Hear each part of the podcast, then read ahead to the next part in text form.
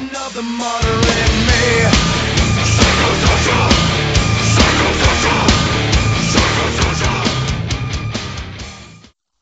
semuanya, ketemu lagi di Enggak dong, kan masih episode satu ini. Oh iya ya. Baru ketemu sama aku Hana dan juga teman aku. Halo semua, kalian namaku Abim dan kami dari podcast Tugas Akhir Psikologi Klinis. Oke, jadi untuk beberapa menit ke depannya nih, kita mau membahas salah satu fenomena yang bisa dibilang cukup menarik nih. Mana ya? Iya dong, fenomena ini tuh sudah menjadi sesuatu yang observable di masyarakat kita, terutama di kalangan generasi muda yang udah familiar sama sosial media dan juga serial televisi. Mungkin teman-teman ada yang tahu tentang istilah wibu psikopat. Nah, itu merupakan salah satu contoh bentuk dari fenomena yang akan kita bahas kali ini. Penasaran nggak sih? Penasaran banget dong, lanjut. Oke, jadi teman-teman, pada kesempatan kali ini kita akan membahas fenomena glorifikasi psikopati dalam budaya pop culture.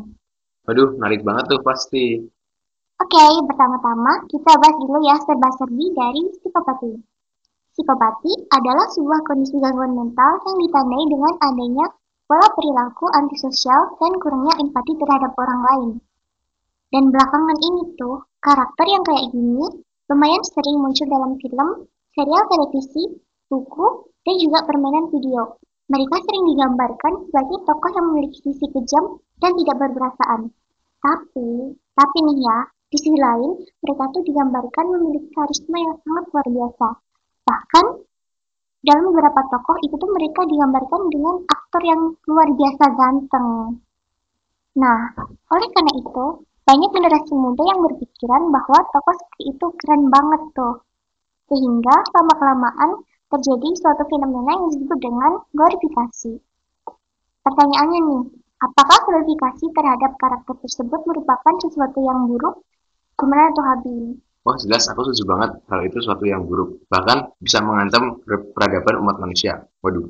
Oke, maksudnya adalah glorifikasi psikopati dalam budaya pop ini bisa menghasilkan normalisasi dari perilaku yang seharusnya tidak wajar atau tidak baik, bahkan berbahaya dalam kehidupan nyata.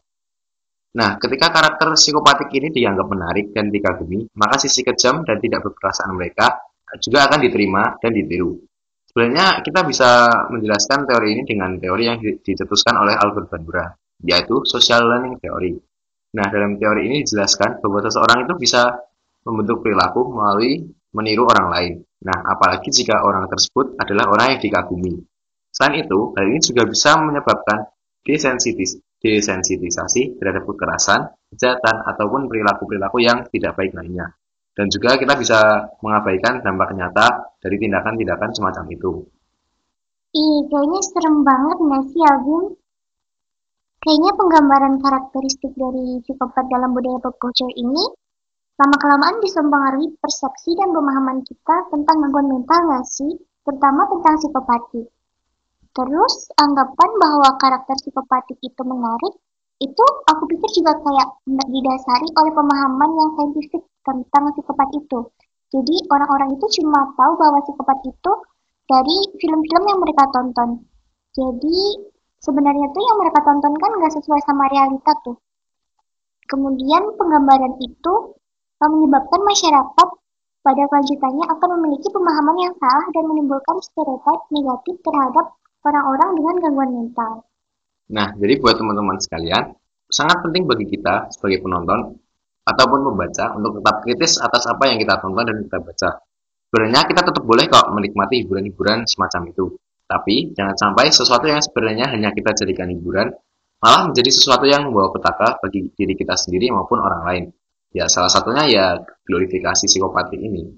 Kemudian juga para pembuat konten juga se- seharusnya memiliki tanggung jawab untuk mempresentasikan atau membawakan karakter-karakter psikopatik dengan lebih akurat dan lebih tanggung jawab.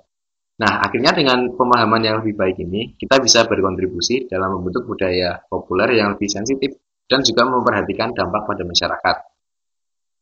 Nah, itu dia tuh obrolan kita tentang glorifikasi psikopati dalam budaya pop culture. Aku berharap dari pembicaraan ini dapat mendorong kita untuk lebih kritis sebagai penonton terhadap apa yang kita konsumsi dari media.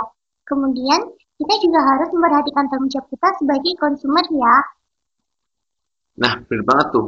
Kita tuh seharusnya bisa berkomitmen untuk menjadi lebih sadar ataupun lebih kritis terhadap dampak psikologis maupun sosial dari dari glorifikasi psikopati dalam budaya pop culture ini. Dan juga kita juga dan juga kita dapat mendorong perubahan-perubahan yang lebih positif dalam industri kreatif. Terima kasih telah mendengarkan obrolan kami. Semoga bermanfaat buat teman-teman semua dan Sampai sampai jumpa. Maya. of the modern me. Psychosocial,